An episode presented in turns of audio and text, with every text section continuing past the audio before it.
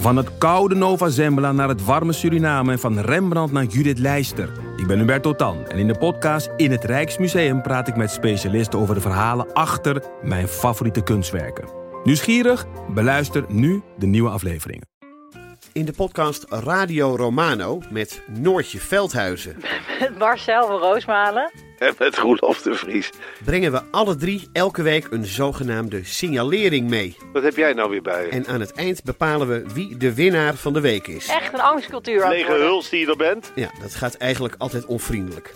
Luister nu naar Radio Romano bij Podimo.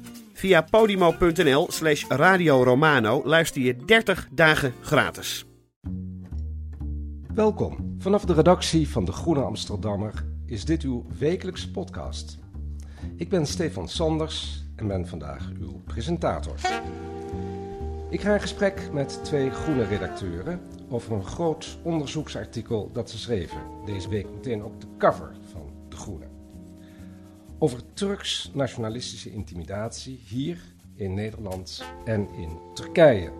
En degene die ermee te maken krijgen, dat zijn dan meestal Turkse Nederlanders. Carlijn Saris en Koen van der Ven. Hartelijk welkom.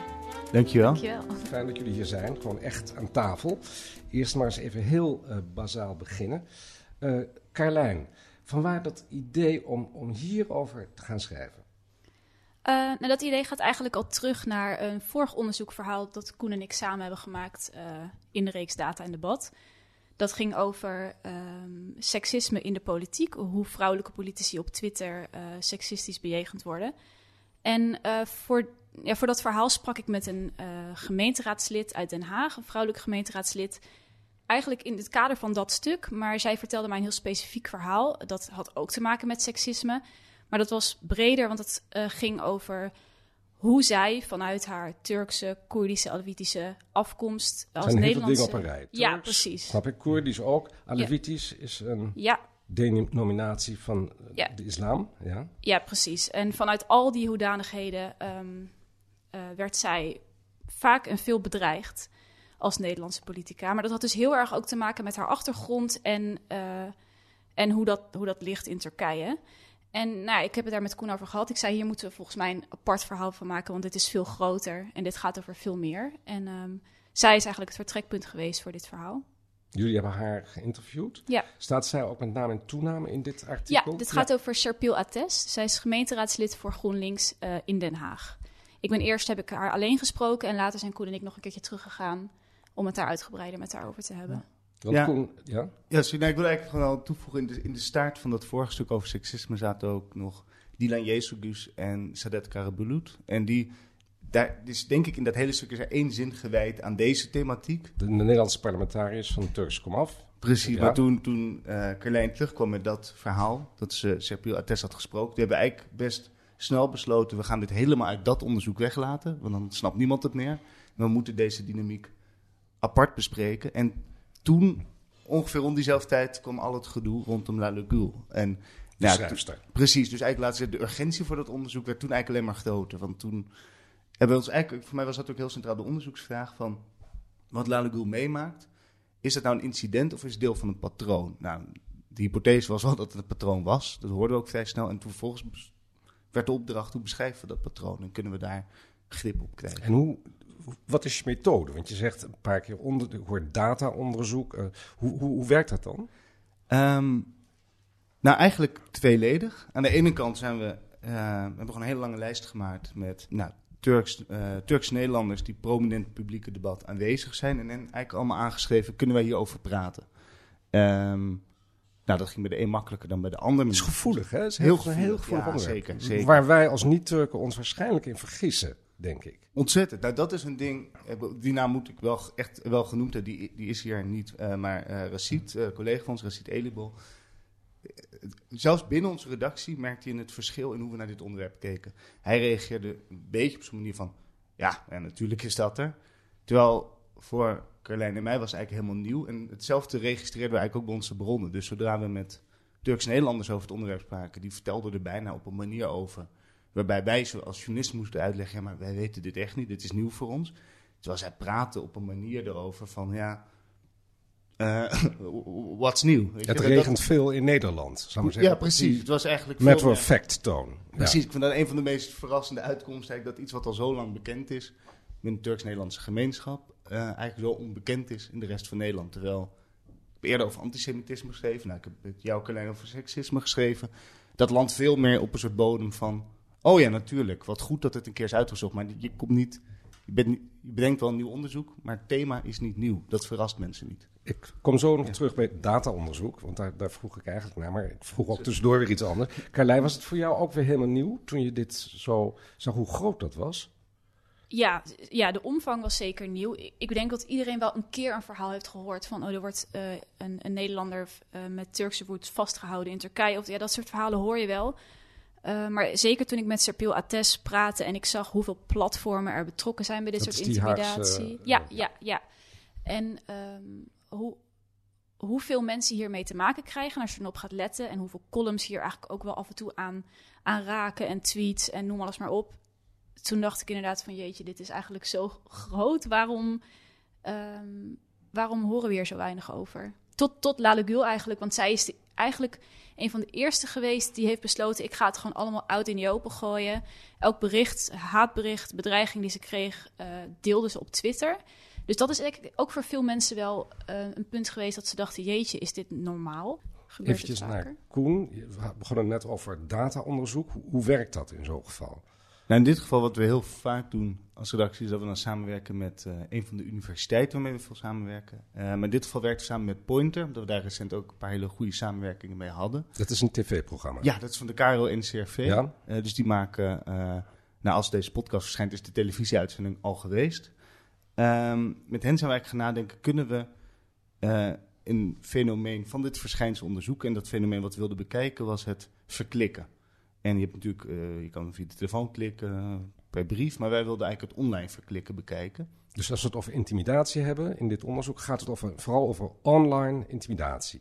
Eh, ten dele, ten dele. Maar dat was wel een, heel belangrijk, een hele belangrijke poot van het onderzoek. Want wat we heel vaak zagen was dat eigenlijk mensen die zich nou ja, soms kritisch, soms gewoon scherp uitlaten over Turkije en ook nog een Turkse achtergrond hebben, dat dan heel vaak meteen de online dynamiek op gang komt waarbij mensen dan nou ja, hen beledigen, intimideren, eh, echt meer dan scherp aanpakken, maar daar ook vaak eh, Turkse ministeries, ambassades, consulaten, Turkse ministers bij taggen. Dus eh, aanschrijven op Twitter. En eigenlijk met het idee, we hebben het ook aan een van de mensen die dat doet gevraagd, waarom doe je dat?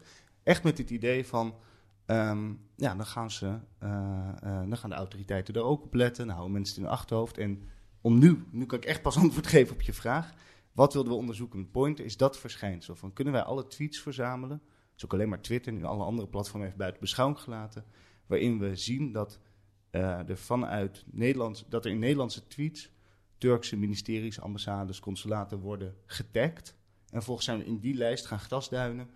eh, wanneer zijn dat verklikke tweets? Ehm, ja, en dan kom je eigenlijk heel veel aangiftes tegen. Tegen bekende mensen, Zini Usdiel, uh, Fidan Ekis, uh, Dat is Sadet niet zo, is Karabulut. voormalig GroenLinks-Kamerlid. Je moet het altijd even bijvertellen. Ja, sorry, ja. Ja. ja. Eigenlijk zo'n hele, nou, de televisiepresentator Fidan Ekis, eh nou, Lale Gül, de schrijver Schrijver. natuurlijk.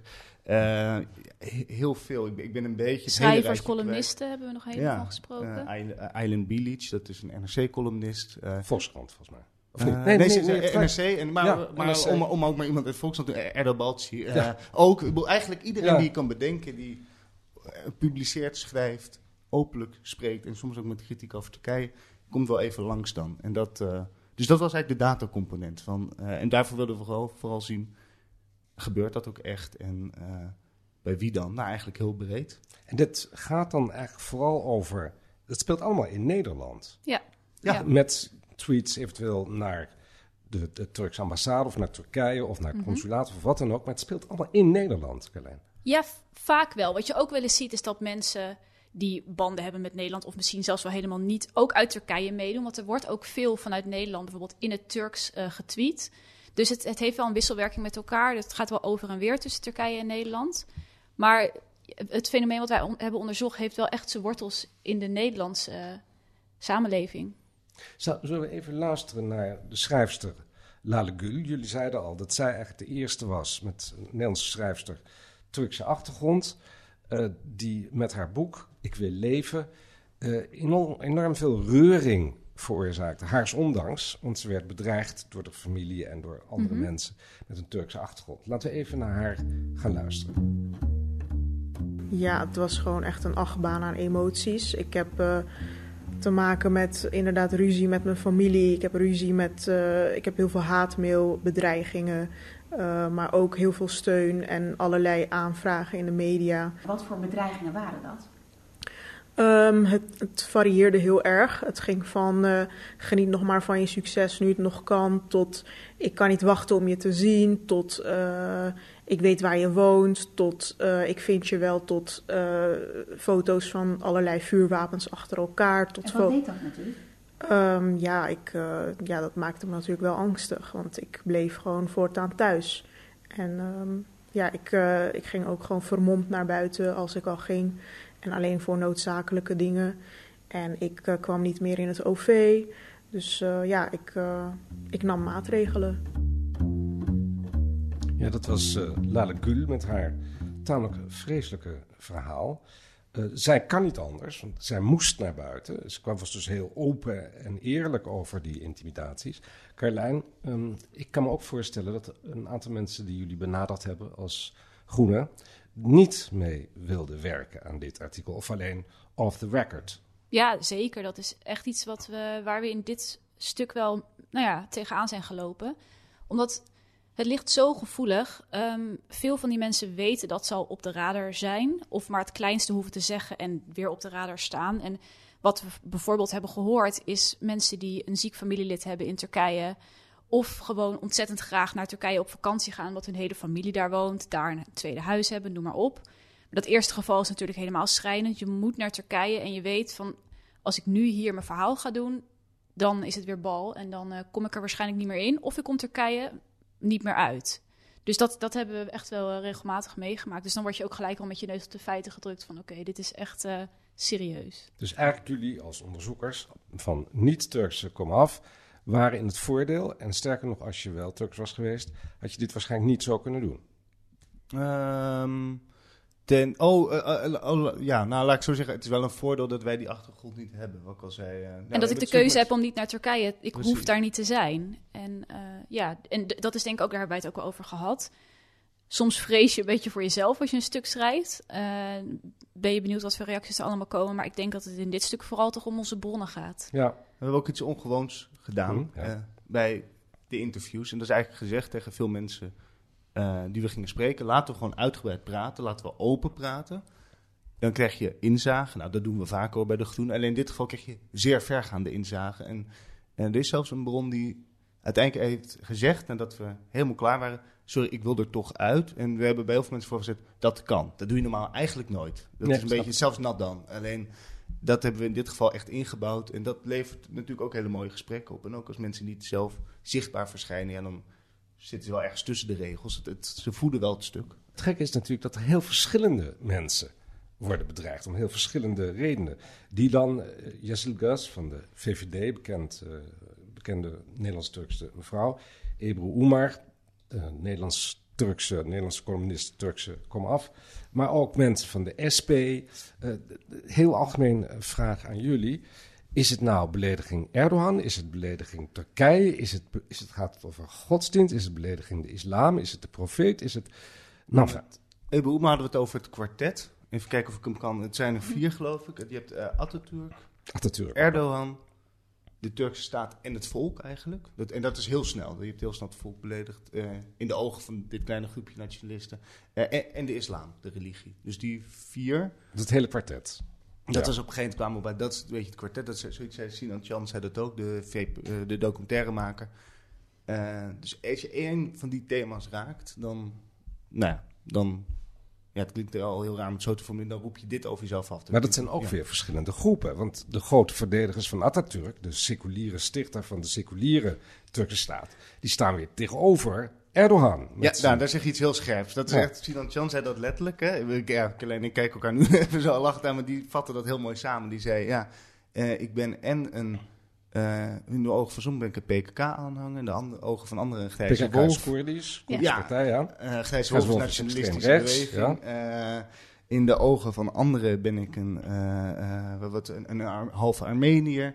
Eh, Dat is het ook gaat- heel slecht, hè? Ja, want, of een eh, moslimhater. Armeense genocide die Ja. eh, je moet ontkennen als goede Turk, zou ik maar zeggen. Ja. Ja, Je kan heel veel dingen fout doen. ja, het discours van landverraden ligt heel snel op de loer van ver- verraad. Dat is, eh, En, en wat je natuurlijk ook wel ziet, is inderdaad Ja. dat Erdogan de laatste jaren ook steeds wel meer ook richting, richting de islam trekt. Dus die groepen die lijken ook steeds wel dichter bij elkaar te komen. Dus daar komt ook wel steeds meer overlap tussen. Ehm, maar wat je vaak wel van bronnen hoort is, ja, islamkritiek is echt wel vaak wat anders dan kritiek op de Turkse staat. Want islamkritiek komt ook uit heel veel andere hoeken, ook uit andere landen. Ehm, maar het is vooral die aanval op de Turkse staat en op, en op de leider. Laten we even luisteren naar eh Ebru Umar, de columniste, die ik meen in 2016 eh, heel veel problemen kreeg en ook een tijd in Turkije moest blijven omdat ze geen eh, toestemming kreeg om weer uit Turkije te vertrekken. Je bent een, eh, een beroemde Nederlander geworden in deze korte periode. Afschuwelijk. Ja. Ja, maar ik moet wel zeggen dat dit allemaal geholpen heeft om mij ook weer terug te krijgen. Dus daar ben ik iedereen waanzinnig dankbaar voor.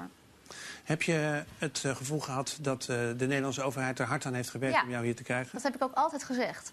Ik heb begrepen dat er vanuit Nederland in de media ook berichten waren dat dat niet zo was. Maar ik heb nooit getwijfeld aan hun inzet. En de reden waarom ik daar nooit aan getwijfeld heb, is omdat ik vrijwel dagelijks contact had. En eh, er is op een gegeven moment een consulair medewerker naar mij gestuurd. En ik heb de laatste 12, 15 dagen zoiets elke dag wel een consulair medewerker gehad. Dat is toch wel heel erg vertrouwenwekkend. Ja, dat was de stem van Ebru Umar. Het speelde alweer een tijdje terug, 2016. Eh, wie, heeft, wie van jullie twee heeft haar gesproken? eh, ik heb haar gesproken. Met Racid, met z'n tweeën. Ja. En, want het is alweer een tijdje geleden. Hoe kijkt zij daar nu op terug? Want zij was ook meteen een hele grote ja, een casus. Ik bedoel, ze was, wat, hoe moet je haar noemen? Ze was een uitgesproken columniste in een Ja. beetje de, de rechterhoek, kan Ja, ik het zo zeggen? eh, ja. Theo van Nou, heel- ja, nou, precies. Ja. In ieder geval heel erg, of misschien is het ook wel heel links, maar in ieder geval was ze tegen Erdogan, tegen die Turkse staatsinmenging, tegen ehm, dat gedweep in haar ogen met de islam, voor het seculieren. Dat, dat is ongeveer heel kort haar positie. Dus alweer een tijd geleden. Hoe kijkt ze er nu op terug? Nou, we, ehm, laat ik zo. Wat je heel vaak hebt, als je, we gingen dus heel veel mensen interviewen. En bij sommige interviews kijk je heel erg naar uit. En bij dit interview, als ik eerlijk ben, dacht ik vooraf... Ah, ehm, ga ik niet naar de bekende weg vragen? Kennen we dit verhaal niet al? Eh, het werd een van de allermooiste gesprekken. En dat kwam eigenlijk omdat ik me nooit had gerealiseerd dat ongeveer... Nou, we hoorden net dat gesprek van eh Jeroen Pauw met haar... wat daarna nog allemaal is gebeurd. En dat is eh, vooral met haarzelf. Eh, en dat had ik helemaal niet verwacht. Ik had eigenlijk ook niet verwacht hoe snel soms dat zo vertrouwelijk ook allemaal zou gaan vertellen. Eh, maar ja, kort gezegd, hoeveel last zij daarvan heeft gehad. Dat zij eigenlijk bij thuiskomst in Nederland... Nou, dat, dat was wel bekend, maar dat in haar appartement eh, was ingebroken. Er eh, hoer op de muur was geschreven. Daar is ze eigenlijk acuut ook weer vertrokken. Ze woont inmiddels ook in Rotterdam. Het eigen huis hè, in Amsterdam. Ja, waarvan dus zij dacht eindelijk veilig terug naar huis. Ja. Hè, dan heb je dus dat landarrest gehad, daar komen we zo over te spreken. Ga je weer naar je eigen huis in Amsterdam en dan blijkt dat gewoon Ja, en geruineerd. Om daar misschien nog zelfs aan toe te voegen. Ze, Umar had twee huizen. Eh, het huis in Turkije, nou, dat is wissen waarschijnlijk op de terugvlucht naar, terugvlucht naar Nederland. Daar kom ik nooit meer. En dan kom je naar de juist Amsterdam. En eigenlijk realiseert ze dat is eigenlijk ook niet meer. Eh, en zij heeft daar heel lang last van gehad. En dat merkte ook in het gesprek, daar was heel open over. Dat, dat eh, nou ja, ze ook in die zin nog altijd een soort bang ook is in Amsterdam. Dat, he- dat is, en haar, heeft ze aan elkaar gekoppeld, toch? Eh, ze woont nu ook heel gelukkig in Rotterdam. Eh, maar dat dat eigenlijk... ja, en de realisatie dat ze eigenlijk gewoon nooit meer terug gaat naar Turkije. En dat terwijl... En dat is ook iets, kijk, misschien moeten we het ook benadrukken. We, spraken, we praten met mensen en dan zeggen we, ja, die hebben kritiek op Turkije. Eigenlijk bijna alle bronnen houden ook heel veel van Turkije. Het is niet een soort, nou ja, dat... Wij, ik denk, wij aan tafel kunnen dat heel goed splitsen. Dat je en van een land kan houden en er kritiek op kan hebben. En zo zien zij het ook. Hij is geen Turkije-hater. Eigenlijk niemand die wij spraken. Carlijn, we hadden het net even in eh, verband met uh, Ebru Umar over het landarrest dat haar is opgelegd in Turkije. Wat houdt dat precies in? Nou ja, dat betekent uh, in, de, in, in het geval van de mensen die wij hebben gesproken vaak dat er uh, op het moment dat zij naar Turkije gaan, soms al worden vastgehouden bij de douane.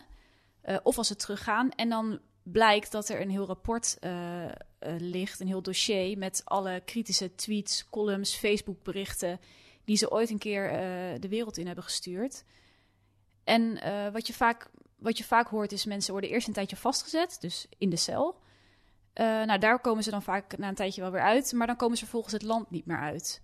Dus ja, letterlijk landarrest. Je zit dan gewoon vast in Turkije. En uh, in sommige gevallen van de mensen die wij hebben gesproken was het zelf zo. Volgens mij vertelde Sinan Chan dat dat tot zijn grote verbazing bleek dat de, dat de mensen die hem verklikt hadden gewoon uit zijn eigen omgeving kwamen. Zijn eigen, kennis. Eigen, kennis, eigen kennissenkring, ja.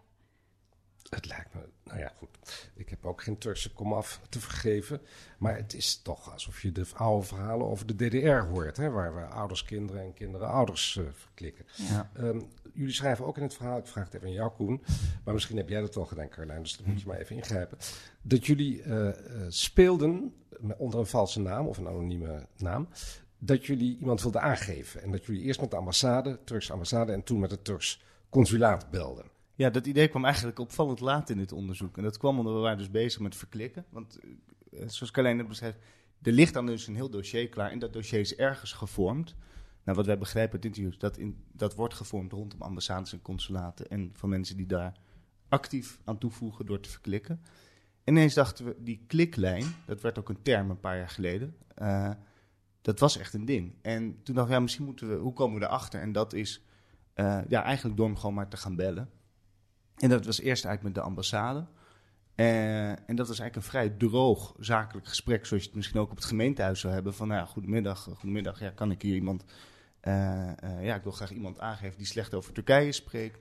Kan dat? toen werd heel beleefd antwoord, oh dat kan zeker, als u wil dat diegene vervolgd wordt, kan dat, maar dan moet u bij het consulaat zijn. Dus dat werd eigenlijk nog een keurige doorverwijzing. nou, ik heb een aantal consula Turkse consulaten in uh, Nederland. Uh, maar daar ging het eigenlijk ook heel makkelijk. Kijk, we hebben het hele proces niet door kunnen zetten. Dan hadden we iemand moeten aangeven. Dat leek ons wat vergaand. Maar uh, in ieder geval het proces van gewoon even bellen.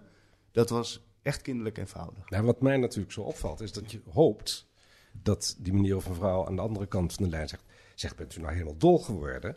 Ja. Dat, daar doen wij helemaal niet aan. Wij zijn hier niet. We zijn een ambassade, we zijn een consulaat. We behartigen de Turkse belangen en de, van de Turkse Nederlanders. Maar dat is dus niet zo. Nou, het enige wat wel misschien goed is om te zeggen, en dit hebben wij later in interviews gehoord, is dat, kijk, binnen, dat wil ik eigenlijk gewoon ook een keer benadrukken, binnen de Turks-Nederlandse gemeenschap is het natuurlijk een minderheid die zo fanatiek zich bezighoudt met verklikken en beledigen, bedreigen. Wat iemand ons vertelde, vond ik heel opvallend, was dat binnen ambassades er natuurlijk traditioneel ook wel mensen zitten die eigenlijk ook niet zo uh, van deze praktijken zijn of zo streng geleerd aan Erdogan zijn. Dus dat je ook nog, er wordt ook wel weer vanuit ambassades soms weer naar buiten.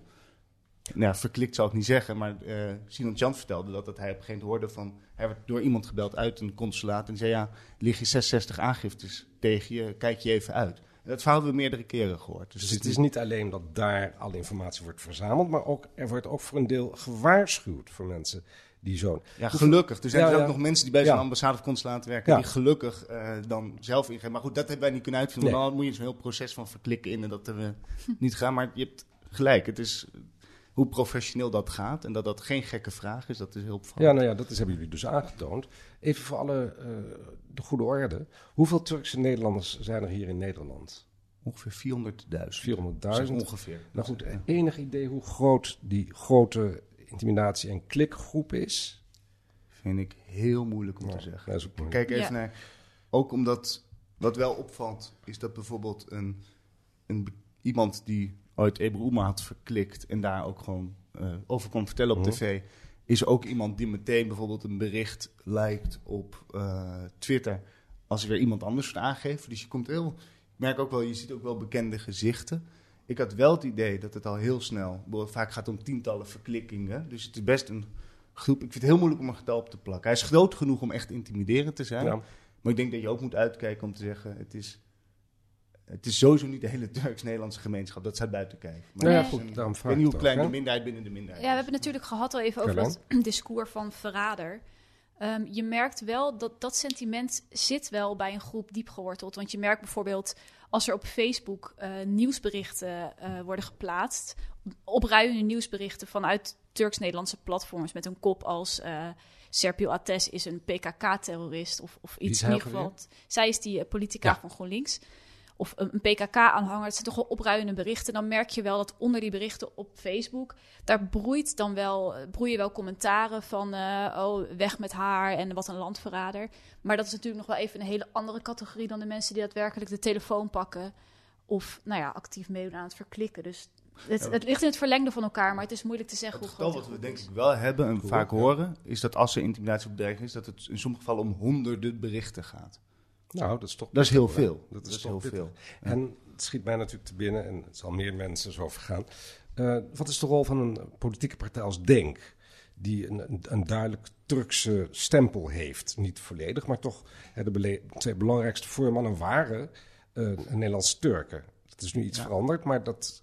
Ze, ze- nou, ze- wat doen zij in dit, in dit geheel? Nou, dat was denk ik qua onderzoek ook een ingewikkeld punt in dit stuk, omdat iedereen had het erover die wij spraken. Die begonnen er vaak uit eigen beweging over, over de, de dubieuze rol van Denk. En daar zit heel veel, hoor je heel veel gerucht, heel veel eh roddel ook, heel veel verdenking. En wij zijn wel gaan kijken, wat kunnen we hard maken? En eh, wat je sowieso ziet is eh, een aantal hele evidente dingen. Opvallend stemgedrag. Dus rondom Armeense genocide. Er is op een gegeven moment een Amnesty International directeur zat vast in Turkije. De hele Kamer spreekt zich uit, behalve Denk. Er zat op een keer een SP-raadslid vast met landarrest in Turkije. Iedereen komt voor hem op, heel politiek Nederland, van rechts tot links, behalve Denk. Dus dat zijn de dingen die gewoon in de openbaarheid zijn. Dat, die wilden we nog wel even op een rijtje zetten, omdat dat ook een patroon is. Daarnaast, ehm, en dat, eh, daar wilden we ook wel precies in zijn. Carlijn vertelde dat al net. Je hebt, van die, je hebt Turks-Nederlandse nieuwswebsites. En die zijn vrij populair. En daar is eigenlijk een patroon van de intimidaties dat als daar een bericht verschijnt over jou, dat dan de inboxen volstromen met intimidatie en haat. Want het is Nou, een beetje zwaankleef aan. Hè? De een Ja. doet wat, ziet wat en dan Ja. ineens... Precies, en dan gaan echt de sluizen open. Nou, en toen zijn we wel gaan kijken wie zitten er achter die websites. En ik denk het meest saillant vond ik eh, platform eh Dergisi. Ik hoop dat ik het goed uitspreek. Dat is een al langer bestaand eh, Turks-Nederlands, ik geloof maandblad, maar ook met een website. En die schreven vorige maand nog een zeer vreemde column over Aylan Bilic, eh, NRC-columnist. En daar werd ook nog even in de slipstream eh, Dilan Jezogus eh, en Erdo Balci. Die waren allemaal deel van een CIA-complot. Krankzinnig verhaal. Met een hoop gedoe en bedreigingen als gevolg. Ehm, Oké, nu de rol van Denk. Achter deze website staat ook gewoon een colofon. Zit een hele redactie, maar ook Escher Keuze, de huidige partijvoorzitter van Denk. Nou ja, dat is weer zo'n lijn. En zo zijn er meerdere lijntjes tussen die platformen. En mensen die ook zeer actief zijn voor Denk, die aan de ene kant zich bemoeien met dit soort websites en platformen, en aan de andere kant actief zijn bij die politieke partij. Dus er zit, eh, nou, dat, dat zijn hele duidelijke lijntjes die we ook gewoon heel droog, denk ik, konden opschrijven. Soms van voorzien, eh, voorzien van het commentaar van de mensen zelf. Eh, Ja, en, en, en naast dat, dat, ja. het, dat er af en toe een echt opruiend bericht verschijnt, zijn veel van die platforms ook wel echt duidelijk pro-denk. Daar wordt gewoon promotie gemaakt voor de partij, eh, daar adverteert de partij ook. Dus die lijntjes zijn sowieso heel evident. Ja, dat was heel opvallend. Ja. Ja. Om het verhaal toch nog wat groter te trekken. Dat hoeft helemaal niet hoor, het is allemaal erg genoeg. Maar ik ben natuurlijk een stuk ouder dan jullie. Eh, ik werkte al bij de Groene in 1989. Had je de Salman Rushdie-affaire. Ik noem het omdat het toen ook over het zogenaamde verraad ging van Rushdie, de schrijver, ten opzichte van de islam. Hij zou de islam hebben verraden, hij zou Pakistan hebben verraden of India hebben verraden. Hij zou zijn wortels hebben verraden. Wat je hier ook weer ziet, is telkens dat terugkerende verwijt van verraad. Ik heb toen in De Groene, 1989, groot stuk geschreven. Lang leven de nestbevuiler. ja? Moeten we dat niet nu ook weer doen? Om op te komen voor die Turkse Nederlanders die zo ongelooflijk worden gemangeld. Ik zou helemaal voor zijn. Misschien om daar toe te voegen, omdat het niet... ehm, heel veel mensen die wij hebben gesproken, je zei het in het begin, die zijn soms links, die zijn soms rechts, die zijn soms conservatief, die zijn soms progressief, die zeggen soms dingen waarvan je denkt, nou, ik weet het eigenlijk ook niet. Eh, maar het gaat om het principe, dat zij dat gewoon mogen zeggen. Ja. En eh, bijvoorbeeld, ja, waarschijnlijk kan je op uh, kun je, boel, ze, ze heeft een bijzonder boek geschreven, maar je kan daar ook misschien wat op afdingen, ook Misschien dingen die ze zegt. kritiek, maar maar, dat doet gaat er het allemaal om. niet. Nee, precies, dat het gaat er er niet niet om. Het gaat erom dat als zij een boek wil schrijven en zij wil met een slaande deur een, eh, een kerk verlaten, of in dit geval de islam, dan mag zij dat doen en dan moet ze dat kunnen. En ik denk dat dat het principe is. Ja. Sluit ik me volledig bij aan. Nou, ik, waar wachten we op? Nou ik, ja, bedoel, ik verwacht heel snel zo'n stuk. Vind ik bij. ja. Ja. Nee, je hebt er ervaring mee, dus. Oké, dank jullie allebei heel erg hartelijk voor dit gesprek. Carlijn Saris en Koen van der Ven. Dank jullie en laten we gewoon het beste ervan hopen. Ja. Verder in de groene van deze week. Een essay over het neoliberale succes van yoga. Lekker met jezelf zijn op je eigen matje. Een onderzoek ook naar het lerarentekort en advies aan de informateur deze week over institutioneel racisme met wetenschapsantropoloog Amande Charak. Nog meer groene podcasts. In samenwerking met het Holland Festival praten we met makers, kenners en critici over de voorstellingen die nu in het festival te zien en te horen zijn. Meer weten en horen? Ga naar groene.nl. Volgende week zijn we er weer met een nieuwe podcast met een nieuw verhaal. Deze podcast werd gemaakt door Samira Atai, Giselle Meilief en Stefan Sanders. U hoort nu de eindtune A Tune for Anne van Paul van Kemenade. Tot de volgende keer.